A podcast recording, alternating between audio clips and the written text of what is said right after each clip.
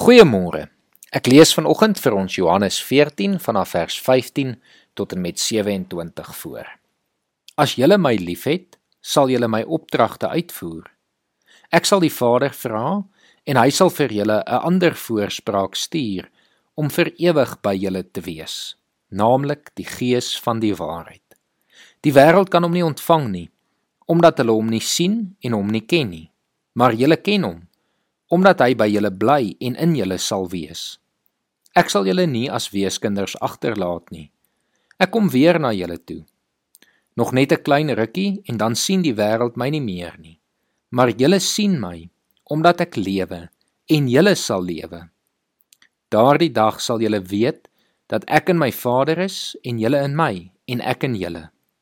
Wie my opdragte het en dit uitvoer, dit is hy wat my liefhet. En wie my liefhet, Hom sal my Vader lief hê en ek sal hom ook lief hê en my aan hom openbaar. Judas nie Judas Iskariot nie vra toe vir hom: Here, hoe kom dit dat U U aan ons gaan openbaar en nie aan die wêreld nie? Jesus antwoord hom: As iemand my liefhet, sal hy my woorde ter harte neem en my Vader sal hom lief hê en ons sal na hom toe kom en by hom woon. Wie my nie liefhet nie, neem my woorde nie ter harte nie en die woorde wat julle hoor is nie myne nie, maar die Vader se wat my gestuur het. Dit sê ek vir julle terwyl ek nog by julle bly.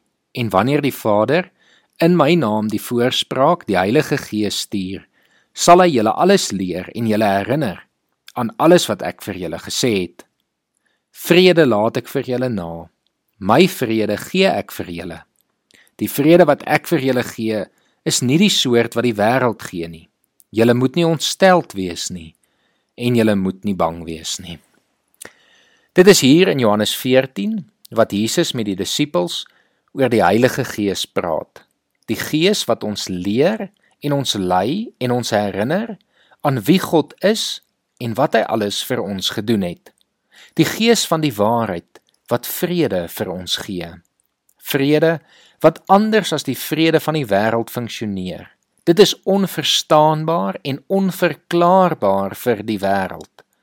Maar vir ons as gelowiges weet ons dit kom alles van die Heilige Gees wat vir ons gestuur is as ons vertrooster en as ons leier. En hoekom was dit vir Jesus belangrik om juis hier kort voor sy dood met die disippels hieroor te praat sodat hulle sou weet dat hulle nie alleen gelos sal word in hierdie wêreld nie sodat ek en jy kan weet dat ons nooit alleen is nie. Ons kan maklik rondom ons kyk en voel asof alles in hierdie wêreld maar te vergeefs is. Hierdie wêreld met al sy seer en sy gebrokenheid.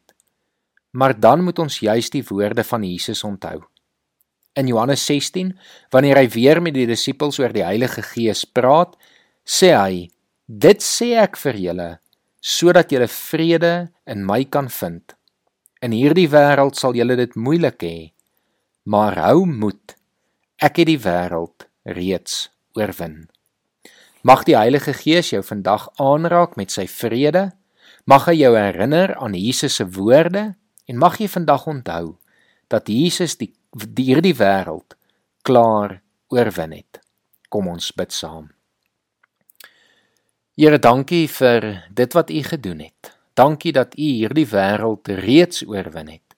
En Here, dankie dat ons nou al reeds deel kan wees van U. Dat U in ons woon, dat ons nie alleen gelos is nie, maar dat U as voorspraak in ons lewens ons lei en ons herinner om te onthou dat U reeds hierdie wêreld gewen het. Here, mag ons met hierdie ingesteldheid vandag ook gaan leef, Here.